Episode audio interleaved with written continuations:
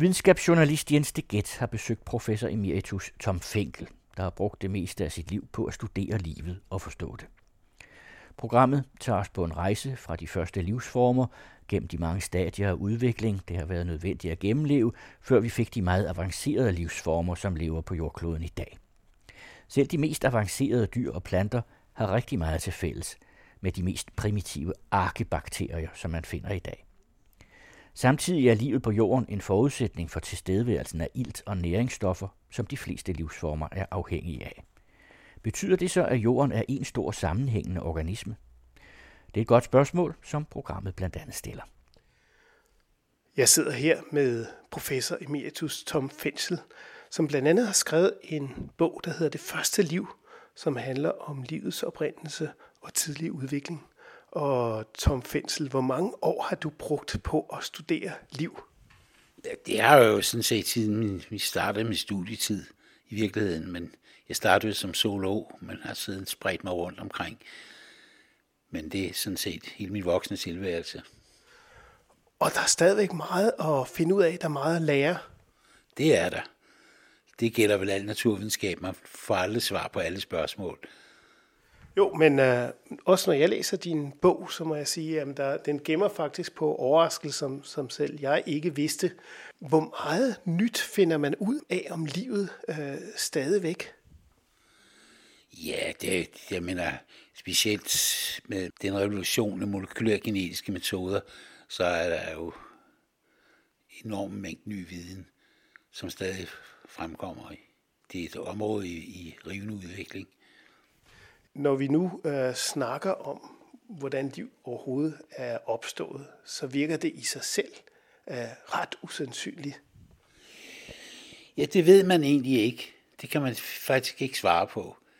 Øh, altså hvis man forestiller sig det fysiske og kemiske miljø, som fandtes på jorden for omkring 4 milliarder år siden, så kan man ikke svare på, om det er noget, der altid vil ske efter et stykke tid, eller om det var en eller flere usandsynlige begivenheder. Altså det du mener, det er, at øh, de tidligere tilstande, der var på jorden, at det kunne være, at, at det var noget, som, øh, som normalt ville skabe liv, eller at det var noget, der var helt usædvanligt? Det kan man jo så vidt ikke svare på. Altså man, man ved, kan godt sige noget om atmosfæren og havens kemiske sammensætning på det tidspunkt. Men derfra og så til, om der kommer liv. Man kan også svare på, at der kommer dannes mange organiske molekyler. Det har man jo vidst et godt stykke tid nu, at, at under sådan omstændigheder, så dannes der en del organiske molekyler, blandt hvilke en del er betydning i eksisterende organismer. Men at starte livet, det ved man ikke, om det har krævet en meget usandsynlig begivenhed, eller flere usandsynlige begivenheder, eller om det er noget, der altid vil ske, bare man venter længe nok. Men hvorom alting er, hvordan tror du, livet er opstået? Det ved jeg ikke, men, men et øh, helt centralt punkt, det er jo opståen af et genetisk system, at man har haft nogle molekyler, der kunne så at sige reproducere sig selv, og dermed starte en darwinistisk evolution. Det er et centralt problem. Og der har man gjort nogle fremskridt. Måske det mest interessante er, at man kan få RNA-molekyler til at samle sig selv og bygge stenene, og få dem til at dele sig eller bygge nye RNA-molekyler, øh, som har mange egenskaber, der, der ligner liv, og måske først og fremmest virus i virkeligheden. Det kan man gøre i, i glas, men derfra og så til at gå videre, der er altså lang vej endnu. Men igen, altså selvom man har nogle RNA-molekyler, der finder sammen, øh, så skal der jo meget til, før end at de skaber en celle, og der skal meget til, før end de skaber det, vi rent faktisk kalder liv. Det skal der. Øh, og på nogle punkter har man nogle forestillinger, for cellemembranen. Man ved, at lipid, altså fedtmolekyler, de samler sig i sådan nogle dobbeltlag, og man kan forestille sig, at, eller man kan godt lave det i et laboratorium, at de danner sådan nogle blære, og det er cellemembranen i alle vores celler, det er netop sådan et dobbeltlag af, af fedtmolekyler. Øh, så der har man altså model for, hvordan sådan noget kunne opstå. Så et andet problem er, at liv jo også skal have energi. Liv er åbne systemer, der udveksler stof og energi med omgivelserne. Og energikilden af de her første hypotetiske selvdelende RNA-molekyler hvad det energikilden var til dem, det er også et, et skud i ja. togen. Men allerede der, hvor at vi snakker om øh, fedtet, som du nævner, altså hvor skulle det komme fra? Ja, det er også et problem, fordi i de forsøg, man har lavet, der efterligner en sådan uratmosfære, og så har man en energikilde, der kan man bruge ultraviolet lys, som har været mere intens på jordens overflade på det tidspunkt, fordi der ikke var ild i atmosfæren. Eller lynnedslag, det var faktisk de første forsøg. Der kan der dannes fedtmolekyler, men de er ikke lineære som, som i cellemembranen. Så der er også et problem.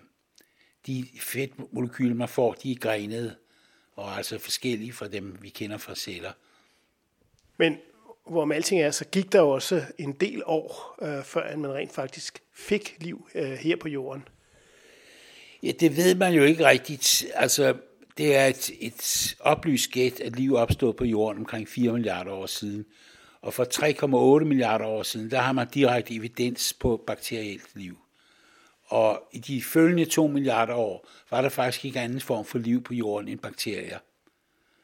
Øh, men altså efter, det kommer noget yngre end de 3,8 milliarder år, så har man altså en betydelig evidens for bakterieliv, liv, dels i form af direkte forsteninger, altså fossiler af bakterier, og dels påvisning af processer, som gennemføres af, af forskellige fysiologiske typer bakterier.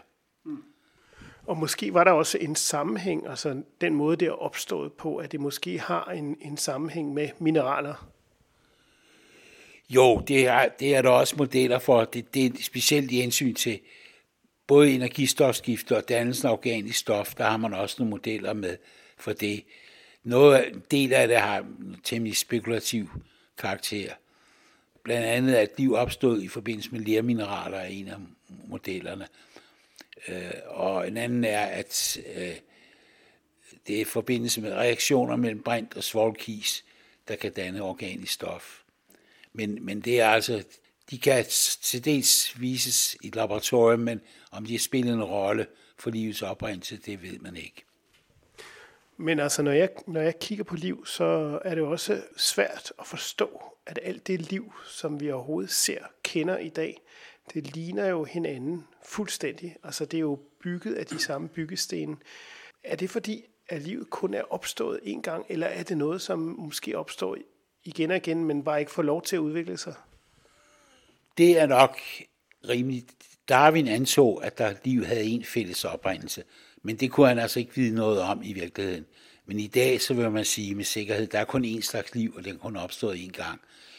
Alt liv er på det basale niveau fantastisk ens. Man kan nævne for det første, hvis man tager en søle kolibakterie og ser på dens gener, så vil cirka en tredjedel af generne, de findes hos alle eksisterende organismer. Øh, som eksempel, mange fundamentale biokemiske processer er identiske hos alle levende organismer. Så det er øh, en, en forholdsvis velunderstøttet, der er kun én slags liv, og der er en fælles oprindelse for alt liv, vi kender til. Og så det første liv, man måske har, har set her på jorden, er det så det samme som det liv, vi har i dag? Er det stadigvæk sådan, at man kan se øh, noget, som ligner det, man måske havde oprindeligt, eller er det væk? Ja, altså man kan sige, men i hvert fald når det gælder bakterieceller, så, så er de formodentlig ikke meget forskellige fra, hvad det er i dag, og man, man kender altså, som eksempel kan man nævne såkaldte cyanobakterier, det man normalt kalder blokkerne alger, men det er altså slags bakterier, da de opstod, så kom der første gang dernede ilt, fri ilt i atmosfæren. Og de har også efterladt under gunstige forhold, efterladt forsteninger. Formodentlig, hvis, hvis man kunne gøre dem levende, så ville man ikke kunne skille dem fra, fra dem, vi kender i dag. Okay, så det primitive liv har ikke udviklet sig særlig meget, men det primitive liv, vi, vi så alligevel kender i dag, det er jo ret avanceret. Det indeholder en masse avancerede komponenter. Det er rigtigt, men altså det, det må man så antage, at det, det er sket altså fra livets oprindelse, hvis vi sætter det til 4 milliarder år, så er det altså sket relativt hurtigt, at der kom noget, der på mange punkter ligner bakterier, vi kender fra i dag. Når vi så kigger på de her bakterier, så var det jo så alligevel nogen, som levede et helt andet miljø, end, øh, end det vi har i dag. Jo, altså for så vidt er måske mest slående eller vigtigt er, at oprindeligt var at jordens atmosfære ingen ilt, fri ilt. Så livet er opstået under iltfri forhold, og der findes også i dag øh, steder på jorden, hvor der ikke er ilt, for eksempel i havbunden, under vis dybde og i lavdelte søer og forskellige andre steder er der helt iltfri forhold. Og der findes jo også et rigt liv af specielt bakterier, som, som har udviklet alle mulige stofskifteformer, men som altså er uafhængige af ilt, tilstedeværelsen af ilt. Og dengang var det så også en meget fredelig verden. Ja, for så vidt som bakterier, de skal jo også have noget at leve af. De optager så for eksempel organisk stof, hvis de bruger det, så kan de optage det i form af små molekyler gennem deres cellemembran. Men de kan ikke optage partikler. Det er noget, der først er opstået med såkaldte eukaryoter. Eukaryoter er alle de organismer, der ikke er bakterier. Det vil sige øh, encellede former som amøber, infusionsdyr, hvad man hedder alle sammen, og flercellede dyr og planter. Deres celler kan optage partikler, men det kan bakterier ikke. Men først, da eukaryoterne kom til, og det er for cirka 2 milliarder år siden, før det, der var verden uskyldig. Organismerne åd ikke hinanden, men efter eukaryoterne, så begyndte de jo at spise bakterier. Okay, så der kom til at ske lidt mere i verden. Ja. Og så skete der så også det på et tidspunkt, at nogle af dem begyndte at danne ilt. Det gør de. Det er de før nævnte blokkeren bakterier. Der er lidt forskellige estimat. Det, det starter men formodentlig en gang om 3 milliarder år siden. Øh, men det er der altså lidt tvivl om præcise tal. Og der kommer ikke ilt, store mængder ilt i atmosfæren lige med det samme. Det er fordi, der opstod også bakterier, der kunne udnytte ilten i en slags stofskifte, som vi har. Så når der dannes noget organisk stof af de her, så kom der en tilsvarende mængde ilt ud, men når dette organisk stof blev nedbrudt af andre bakterier, så brugtes ilten også til det. Når der er ilt i atmosfæren nu, og en stigende mængde ilt gennem jordens historie, så bruger det på, at ikke alt organisk stof nedbrydes. Noget, så at sige, det fossilt organisk stof, den største mængde organisk stof på jorden, det er faktisk aflejret i sådan nogle ting som skifre og kalksten, sandsten, og altså rester af fortidigt liv. Og den mængde organisk stof, der er begravet, den modsvarer sig det fri ilt, der er i atmosfæren. Man regner med, at for 2 milliarder år siden, der var ilt, iltindholdet i atmosfæren måske 1-2 procent af, hvad det er nu. Og først omkring 600, 600 millioner år siden nåede iltindholdet i atmosfæren op på noget, der nogenlunde svarer til, hvad vi kender i dag. Og der begyndte så også at ske en masse ting med de her øh, højere livsformer, de her eukaryoter, at man øh, begyndte at få nogle meget større former. Det er rigtigt. Det er sådan, at hvis man er bakterie og bruger ilt i åndingen, eller en meget lille, meget lille protozoo, så kan den klare sig med meget lidt ilt. Men større organismer, de kræver mere ilt, så et lavt ilthold, som, som for eksempel iltåndende bakterier, kan klare udmærket, det vil være kvælningsdøden for en fisk. Så forudsætningen for større flercellede dyr, det var, at der var mere ilt i atmosfæren, end, end der oprindeligt var. Okay, og det vil så sige, at, øh, at i langt størstedelen af jordens historie, i den tid, som der fandtes liv her på jorden, der var alle de organismer, som var til stede, det var faktisk ufattelig små organismer. Det kan man godt sige. Altså hvis man tager encellede, og dermed også encellede eukaryoter, som jeg nævnte, protozoer. Ja, de første er de i hvert fald tre fjerdedel af den tid, der var liv på jorden. Der var der kun sådan nogle indcellede organismer. For en milliard år siden har man spor af flercellede alger, makroskopiske alger, det man dagligt tale vil kalde tang. De første dyr opstår for ca. 600 millioner år siden. Så det er forholdsvis sent, og det sætter mig almindeligvis i forbindelse med, at ilteindholdet i atmosfæren var nået op på et sådan niveau, der tillod det. Og øh, så skete der også nogle andre ting, fordi den måde, at øh, man omsætter energi på i de her celler, det var også udsat for nogle øh, ret specielle ændringer. Jo, nu tænker du på eukaryoterne. Ja. Celler, de, også eukaryoter, de indeholder det, der hedder organeller. Det vil sige små substrukturer i cellerne. Og blandt dem er der to. Der er en, der er næsten universel hos eukaryoter. Det er såkaldte mitokondrier. De har været benævnt som cellernes kraftværker. Det er der, åndingen sker. Det er der, hvor ja, helt nettoproduktet er, at kulhydrat omsættes til koldioxid og vand ved ilt. Og det giver den kemiske energi, som driver praktisk alle processer i celler. Men de mitokondrierne, det er med stor sikkerhed bakterier, der er overlevet inde i eukaryoter. Og vores mitokondrier, vi har måske 100 til 1000 per hver, af vores celle. De er cirka en tusinddel millimeter store, som en typisk bakterie. De har stort set en struktur som bakterier. De har deres egen kromosom, deres egne gener, og de deler sig, ligesom bakterier. Og dem er vi fuldkommen afhængige af i vores energistofskifte. Den anden type, den findes ikke universelt, men kun hos nogle grupper.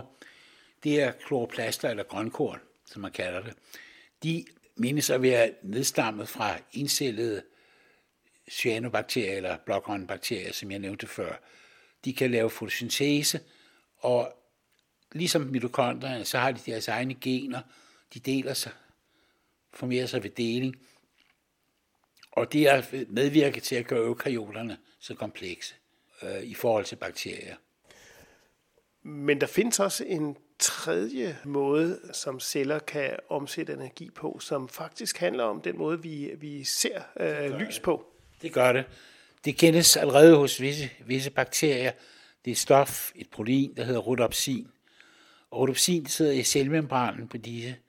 Og deres funktion er i virkeligheden, at rhodopsinen, når det er belyst, absorberer lys, så udstøder det elektron, og det kobles til energibevarelse i de her bakterier. Men det kan også bruges til at sanse lys, og det findes hos for eksempel i, i nethinden hos os. Der vi har faktisk flere forskellige slags rhodopsiner, der har forskellig følsomhed for forskellige lysbølgelængder. Så derfor har vi farvesyn. Men princippet er for så vidt det samme i nethindecellerne. Der er der rhodopsin, og hver nethinde celle er forbundet med en nervetråd, og det reagerer ved lyspåvirkning. Okay, så vi har nogle ret komplicerede modeller for, hvordan vi rent faktisk omsætter og danner energi i vores krop. Ja, det kan man godt sige. Hvis man skal tage helt stor opdeling, så er der to typer. Der er dem, der bruger sollys, og det gælder altså selvfølgelig grønne planter og alger, men også forskellige slags bakterier og der er sådan lidt forskellig variation på det. Og det andet er, at man bruger kemisk energi. Øh, og der er jo hos os og hos mange bakterier og dyr og planter, der bruger vi organisk stof, som igen som nettoeffekt ilter det til koldioxid og vand og bevarer energien i form af kæder af fosfatmolekyler. Øh, og de så igen indgår i alle energikrævende processer i cellerne. Bakterier har en større repertoire af processer, kemiske processer. Der er nogle bakterier, der lever af ilte, svovlbrinte til svovl eller sulfat. Der er nogle, der i stedet for ilt bruger nitrat som iltningsmiddel og sulfat. Der er nogle bakterier, der kan lave ud af brint og koldioxid, så laver de metan. Og det, det er så nogen, der har lavet al naturgassen, man pumper op i tidens løb men de kan øvrigt findes i en hver søbund eller havbund. Okay, så bakterier, eller mange af dem, de er så fuldstændig uafhængige af sollys og kan klare sig fuldstændig af sig selv, øh, ud fra hvad organisk materiale, der findes. Det er rigtigt, men der er visse tilfælde, hvor der faktisk er ikke er tale om sollys i virkeligheden. Det gælder, øh, hvor der er varme kilder, sådan nogle vulkanske områder, og hvor der kommer svovlbrinte op, øh, eller brint, eller hvad der kan være i sådan noget, så er der bakterier, der kan udnytte det. Men det er jo sådan lidt specielt.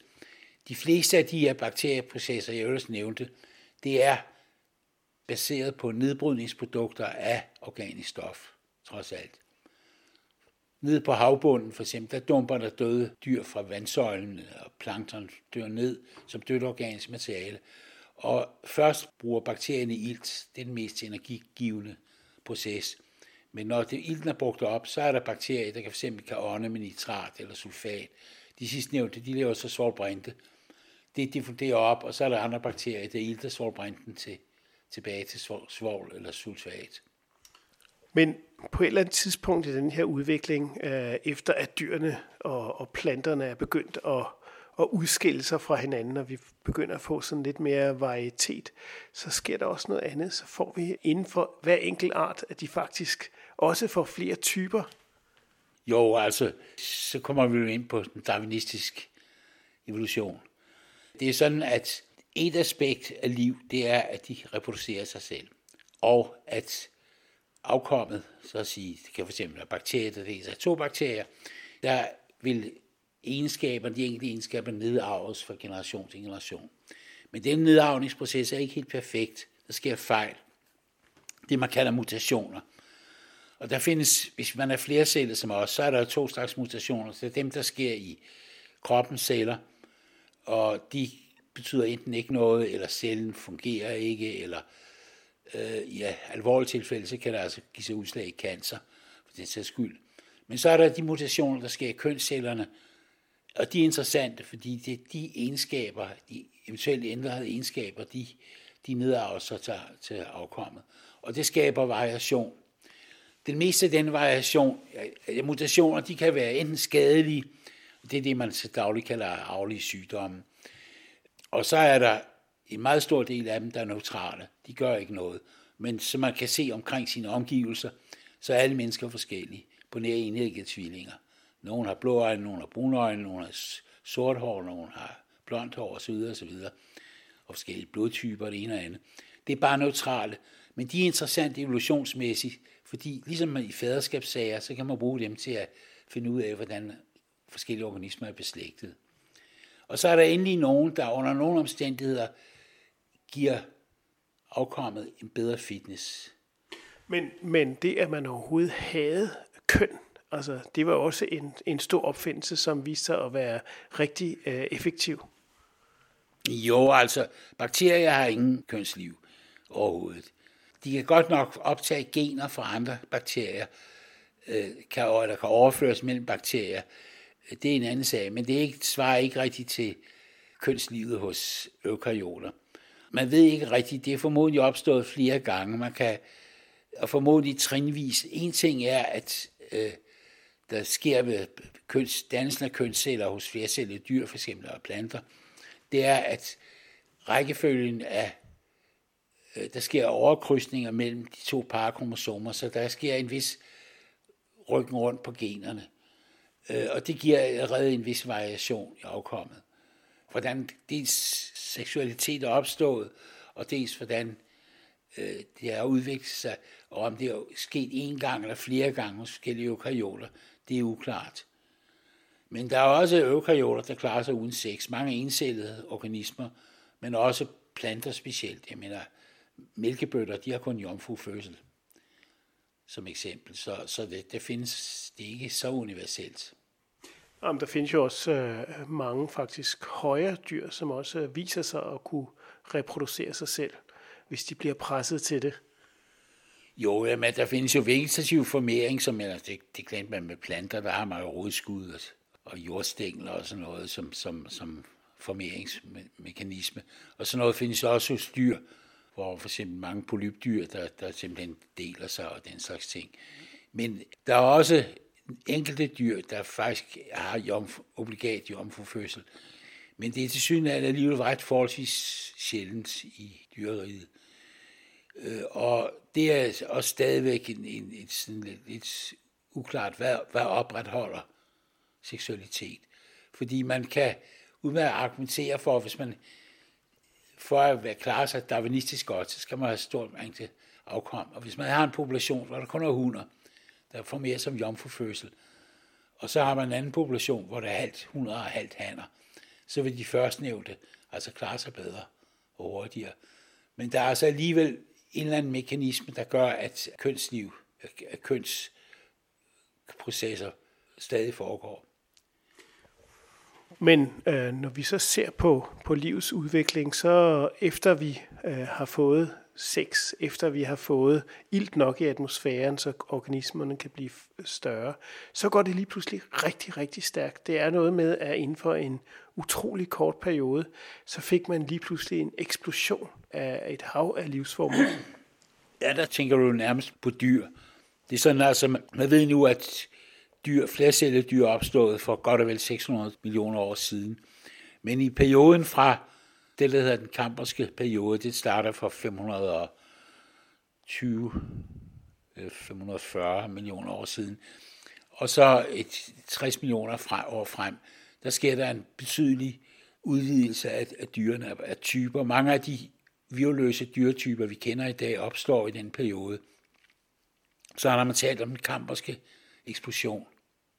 Den er måske særlig øh, tydelig og slående, det har man vist ret længe, at en af grundene var, at der blev større dyr, og mange af de her dyr, de var udstyret med skeletter eller skaller, som bløddyr og krebsdyr og sådan nogle ting. Og derfor er der mange fossiler, og derfor er måske mange af deres forfædre, de var, havde ikke sådan nogle strukturer, skeletstrukturer, og de var måske også meget mindre, og derfor har de i mindre grad efterladt sig spor. Og det er måske yderligere forstærke den fornemmelse af en eksplosion, som dog altså varede mange millioner år. Men hvor med alting er, så begynder det at gå rigtig stærkt. Der sker en kæmpe udvikling, og lige pludselig har vi øh, dinosaurer og alt muligt øh, rendende rundt. Jeg er ikke sådan lige med det samme, men de første virveldyr, de opstår i, øh, kender man fra silurtiden. Der er vi altså sådan en 450 millioner år tilbage i tiden. Det var sådan nogle små, mærkelige, fiskelignende sager. Og i den kommende periode i devontiden, der har man altså en del ting, der man vil kalde rigtige fisk. I, også i devontiden, så er der en, en type af fisk, de såkaldte kvastfindede fisk, hvis nærmeste nulevende slægtning af lungefisk. De, de begynder at antage en amfibisk tilværelse. Men alt i alt, noget tidligere, så kender man forskellige leddyr, der også havde sådan en amfibisk tilstedeværelse. Og de første rigtige karplanter øh, opstår i, der i silurtiden også. De levede i fladvandede søer eller sumpe, men voksede op over vandoverfladen og er begyndelsen til, til det, man kalder rigtige landplanter. Men alt i alt, så hvis man ser på det, mikroorganismer, de er jo utrolige ved, at forskellige typer mikroorganismer kan tåle de mest utrolige ting. Der er bakterier, der kan gro ved 80 grader varmt vand, eller 115 grader, hvis man holder dem under tryk. Der er nogle bakterier, der kan leve i fortyndet svolsyre og i koncentrerede saltopløsninger. Øh, så det er jo ret utroligt. Men der er en ting, der er absolut krav, og det er flydende vand. Og det gælder alle mikroorganismer også i dag. Og hvis man siger, årene på liv i det hele taget, så i, i cirka en, kun en tiende del af den tid, der har været liv på jorden, er der været liv på land. Før det, der var alt liv bundet til flydende vand. Og det har jeg altså lige fortalt eksempler på nogen, der først krøb på land. Men så på et tidspunkt i den her øh, udvikling, så begynder vi så også at få nogle af de her dyr, som begynder at have en, i første omgang en meget lille rudimentær rygstreng, og det udvikler sig til noget større. Det er rigtigt. Man har jo stadigvæk efterkommere af sådan de primitive former, der fører til virveldyrene. Og det er de, de nærmest beslægtede af såkaldte sækdyr. Og der er specielt larverne har en struktur, der ligesom hos os blandt andet har en, en slags rygstreng i første omgang, som senere udbygges med en knoglebaseret ryg. Og så har de en rygnervetråd, som altså dannes ved, at overhuden foldes ind som en rør ved udviklingen. Det er begyndelsen til, til virveldyrene. Og der har man som sagt stadig nulevende modeller for sådan, hvordan det, det kan være foregået. Og de fører så til, til noget, man vil kalde fisk. De første fisk, de af den type der, de havde ikke kæber. De havde bare en, en åben mund, og, men de havde gældestave ligesom fisk. Og det første par gældestave, det er det, der udviklede udviklet vores kæber. Den næste gældeåbning, det er svar til vores ører. åbningen der, og deler de knogler i det, i det indre øre. Men i hvert fald, så havde man først fisk, der havde, der havde fået kæber. Dem kan man kalde rigtige fisk. Og de, de udvikler sig i det, jeg før refererede til som silurtiden, omkring 400 millioner år siden. Ja, 450 millioner år siden. For hvis vi følger igen violdyrene, så når vi til de her kvastfindede fisk. Og de havde ligesom lungefisk, og som øvrigt nogen fisk i troberne stadig gør, de lever ofte i ferskvand med meget ringe ildindhold, men de sluger luft fra overfladen, og så optager de ild gennem tarmvæggen. Det forbedrer systemet forbedrer hos lungefisk ved en udpostning fra tarmen, øh, som så bliver til vores lunger. Og så nogen, de startede som et antagen amfibisk liv, i hvert fald som udvokset i devontiden. Og kan man sige, det er de første padder. De har givetvis stadig været afhængige af vand til udviklingen. De har formeret sig i vand, og den tidlige udvikling foregår i vand, ligesom dages frøer og salamander. De udvikler sig så, og en gruppe, som er de rigtige landdyr, på den måde, de er helt uafhængige af, af vand, også i form af, af udvikling, det er krybdyrene. Og de opstår i kultiden for 300 noget med noget mere millioner år siden. De var i stand til at, til at lægge æg, der kunne udvikle sig på land. Krybdyrene, de er to forskellige udviklingslinjer af krybdyr. De er henholdsvis til fugle og pattedyr. Fuglene, det er faktisk en slags dinosaurer. Og hvis det er en gruppe af dinosaurer, der udvikler sig til fugle, og dinosaur, mange af dinosaurerne, de havde fjer, ligesom nuværende fugle. Og den udvikling foregår i jordtiden, og det er altså for en, måske 150 millioner år siden, og sådan noget. De første fugle havde også tænder, ligesom deres forfædre. Øh, patdyrene, de udvikler sig en anden udviklingslinje af krybdyrene, og de dukker også op i jordtiden. paddyrene får først en vigtig rolle i slutningen, eller fra efterkrigstiden, og det kan delvis hænge sammen med dinosaurernes uddøen. Så var der pludselig mange pladser, som paddyrene kunne udfylde i stedet for. Så patdyrets opblomstring, den sker først der fra starten for 60 millioner år siden. Og det der så, som vi øh, bogstaveligt talt siger, når vi siger pattedyr, det er, at, at vi har patter. Men de første var jo så også i stand til at, at lægge æg. Det var de, og de, nogen gør det endnu, de såkaldte kloakdyr, eller altså det næbdyr og myrepindsvin, der lever i de australske områder, de lægger æg. Også en gruppe, det er jo øh, pungdyrene. De adskiller sig også ved, at de, de har ikke nogen placenta eller moderkage. Så de, de føder meget uudviklede og små afkomster, så udvikler sig i pungen hos pungdyrene. De øvrige pattedyr, de er såkaldte placentale, de har en moderkage, og de udvikler eller føder meget mere udviklede og større unger. Men, men det, jeg synes, der er fantastisk, når man ser på den udvikling, der er sket med hensyn til, at vi har haft nogle ekstremt primitive fiskelignende dyr, som så har udviklet sig i mange trin, som man kan følge meget nøjagtigt til os mennesker. Det er jo så ikke nok med, at man kan se den udvikling sådan i, i fossiler, men man kan faktisk også følge den i den udvikling, et menneske gennemgår. Det kan man i vis udstrækning, fordi man kan se, nu nævnte jeg det tilfælde her med, med gældestavene og kæber som et eksempel. Men under udviklingen, der er mange af de strukturer, man taler i anatomi om homologe organer. Det kan for eksempel være forlemmerne hos, hos violddyr. De er homologe.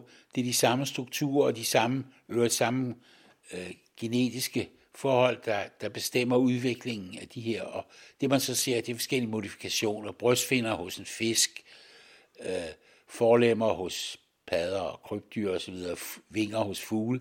Det er faktisk det samme organ. Og under fosterudviklingen, der kan man ofte følge de her ting. For eksempel, at det er jo så meget kendt, at menneskefoster har gældeåbninger på et vist tidspunkt af deres udvikling. Og man kan også følge den meget øh, præcis genetisk. Altså man kan se de strukturer, som man kan verificere hos et dyr. De følger jo også øh, den genetiske udvikling, der har været gennem tiderne. Som jeg nævnte før, så er der mange mutationer, der er neutrale. Og jeg nævnte som eksempel blodtyper, lad os sige. Det gør ikke nogen forskel. Der er ikke selektion på den, som man siger. Det er forholdsvis ligegyldigt, om man har blodtype A eller B. Men sådan en variation er interessant af en anden grund, og det er, at man kan følge evolutionen. Det er sådan, at mutationer forekommer tilfældigt, og hvis de er neutrale, så er det rent statistisk tilfældigheder, om de bliver hyppige eller sjældne. Men over lang tid, så er det pludselig den ene gen, der helt tager, tager over, eller også er det den anden gen, der tager helt tager over. Det er simpelthen sådan en lotteri-mekanisme. Og hvis man nu kigger og sammenligner det samme gen, men altså med visse modifikationer, så kan man ud fra det redegøre for slægtskabet.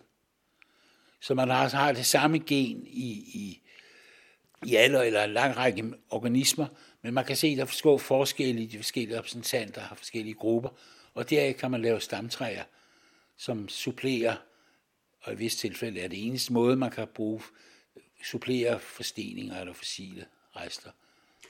Ja, nogle af de ting, som man rent faktisk bruger, det var de øh, mitokondrier, som du nævnte før, som rent faktisk reproducerer sig selv inde i cellerne, og som opfører sig som om, at de er små bakterier, der lever inde i hver eneste celle i vores krop. Dem kan man også bruge. De har den særenighed, at vores mitokondrier er altid de mitokondrier, vi har fået fra vores mor. Mitokondrierne kommer med ægcellen, og der kan man så danne, det har man brugt til at tilbage rekonstruere, hvornår den sidste fælles stamform for mennesker er baseret. Eva kaldte man det i. Øh, og fordi man kan også på baggrund af sådan nogle variationer, øh, så kan man også skønne, hvor lang tid, hvis man har to udgaver af det, så kan man skønne, hvor lang tid der går tilbage på rent statistisk vis. Og når man så kigger på det der lange forløb bagud, så, så virker det som om, ja, altså evolutionen, den ser ud som om, at den har en retning, altså at den har et formål. Men det vil biologer alligevel ikke øh, øh synes, at man kan sige. Nej, det har det ikke. Men meget evolutionen, det er jo sådan en slags ja, kaprustning. Jeg mener, antiloper løber hurtigere for at undgå at blive spist af løver, og løverne på grund af så er udviklet evnen til at løbe hurtigere efter antiloperne. Der er ingen, der vinder ved det. Men, men, øh, men bliver det så meget bedre? Altså, er det sådan, at for eksempel mennesker vil blive mere intelligente eller større stærkere øh, med tiden, eller, eller hvad retning går udviklingen? Ja, det er jo muligt. Jeg mener, det er sådan set generelt en misforståelse, som tror jeg kommer af, at folk ser for mange dyreserier i fjernsynet, fordi man altid påstår, det er fantastisk, fordi de er tilpasset.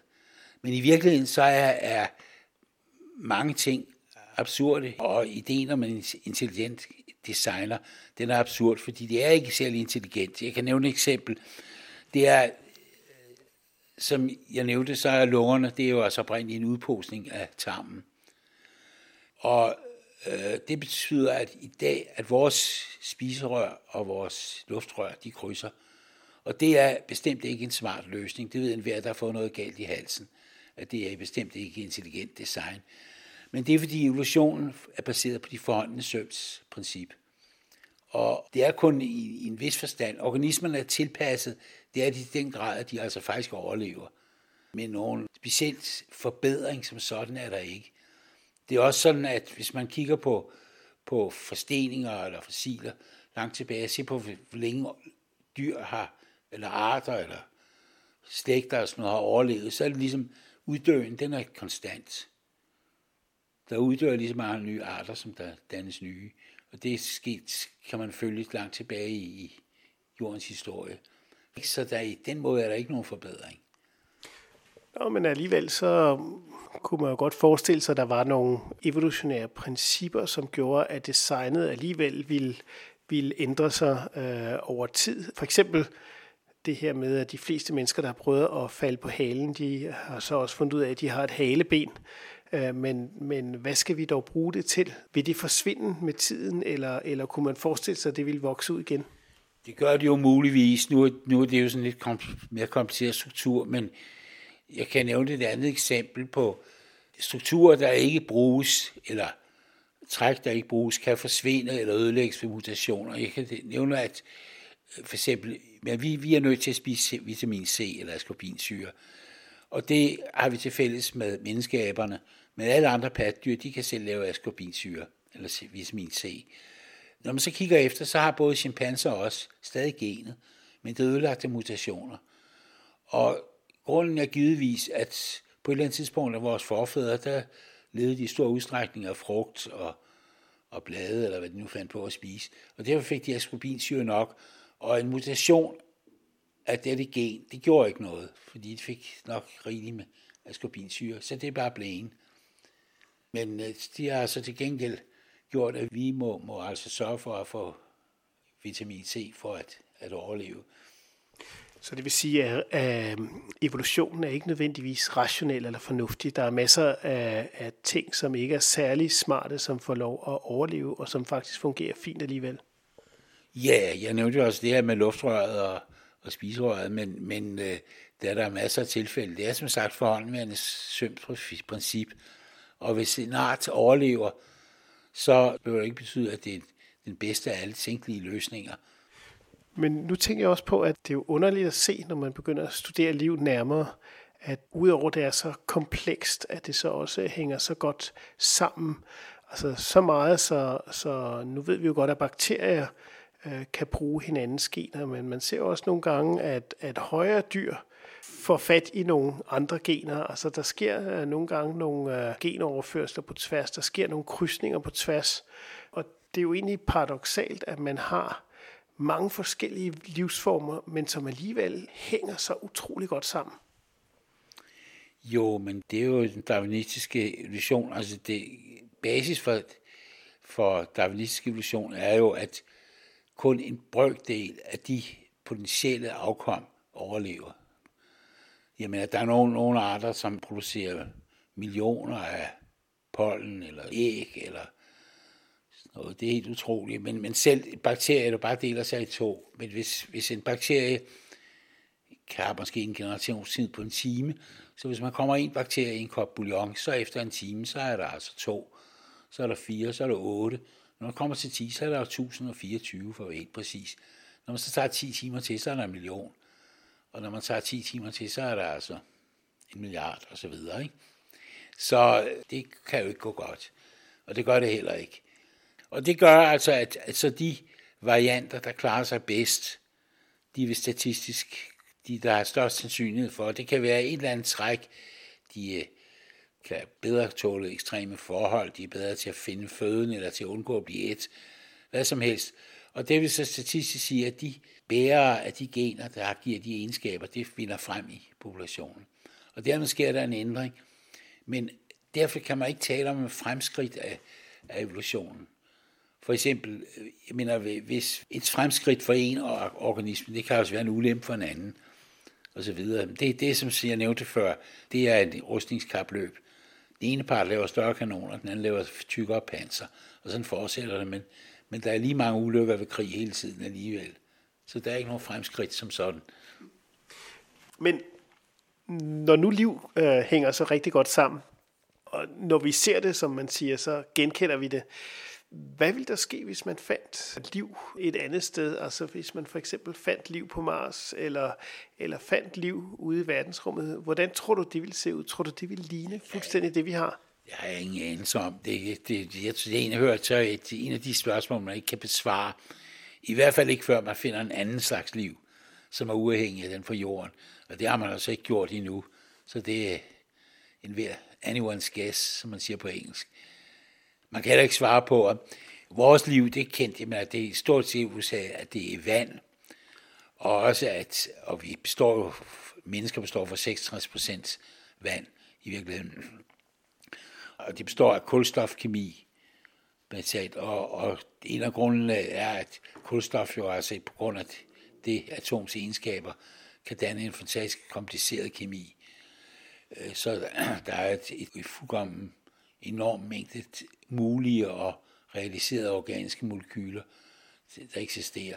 Men om liv eller noget, der ligner liv på jorden, kunne opstå med andre grundlæggende principper, det kan man ikke svare på. Men man kan også omvendt sige, at, at når man hører de her folk, der, der interesserer sig for, for liv på andre kloder, og der er det meget ofte en grundlæggende antagelse, hvis nu bare der er vand. Altså den slags liv, vi har, i hvert fald kræver det jo en ting, at temperaturen ligger mellem 0 og 100 grader, hvis det er baseret på flydende vand. Men derudover, så antager de også, bare der er vand, så er der nok også liv. Altså det kan man ikke sige noget om i virkeligheden. Men når man nu siger, at, øh, at liv er så sammenhængende og øh, ligner hinanden så meget, og øh, på mange måder er så afhængige af hinanden for at kunne fungere, kunne man så betragte livet som sådan noget, som, som måske var en stor livsform på jorden?